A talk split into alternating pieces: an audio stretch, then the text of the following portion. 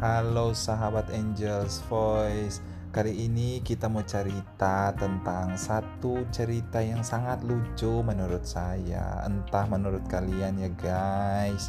Cerita ini tentang seorang nenek. Ada ini nenek dang. Setua sekali kasihan Dia mau menyeberang jalan.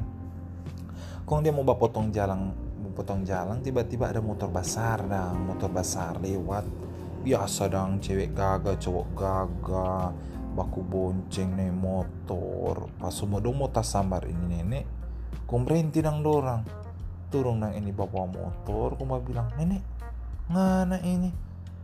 Buruk sekali ngana nenek mau bah mau bah potong jalan baik baik kok mau potong jalan buruk sekali. Uh kok nenek balas ngana nyong tuh bodoh.